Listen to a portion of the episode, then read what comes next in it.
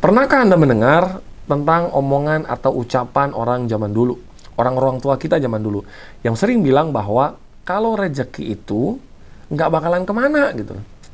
Itu sebenarnya sebuah ungkapan yang menurut saya udah oke, okay, cuma diplesetin sama orang zaman sekarang yang membalik keadaan itu dengan mengatakan bahwa iya kalau nggak ke mana-mana nggak mungkin dapat rezeki gitu loh. Tapi faktanya kalau misalkan kita melihat orang zaman dulu itu ya kerjanya wajar, hidupnya teratur, gaya hidupnya biasa aja, dan hidupnya tenang. Tapi anehnya, tanahnya di mana-mana. Mungkin Anda boleh ngelihat engkong Anda di masa lalu, nenek Anda, kakek Anda, tanahnya di mana-mana.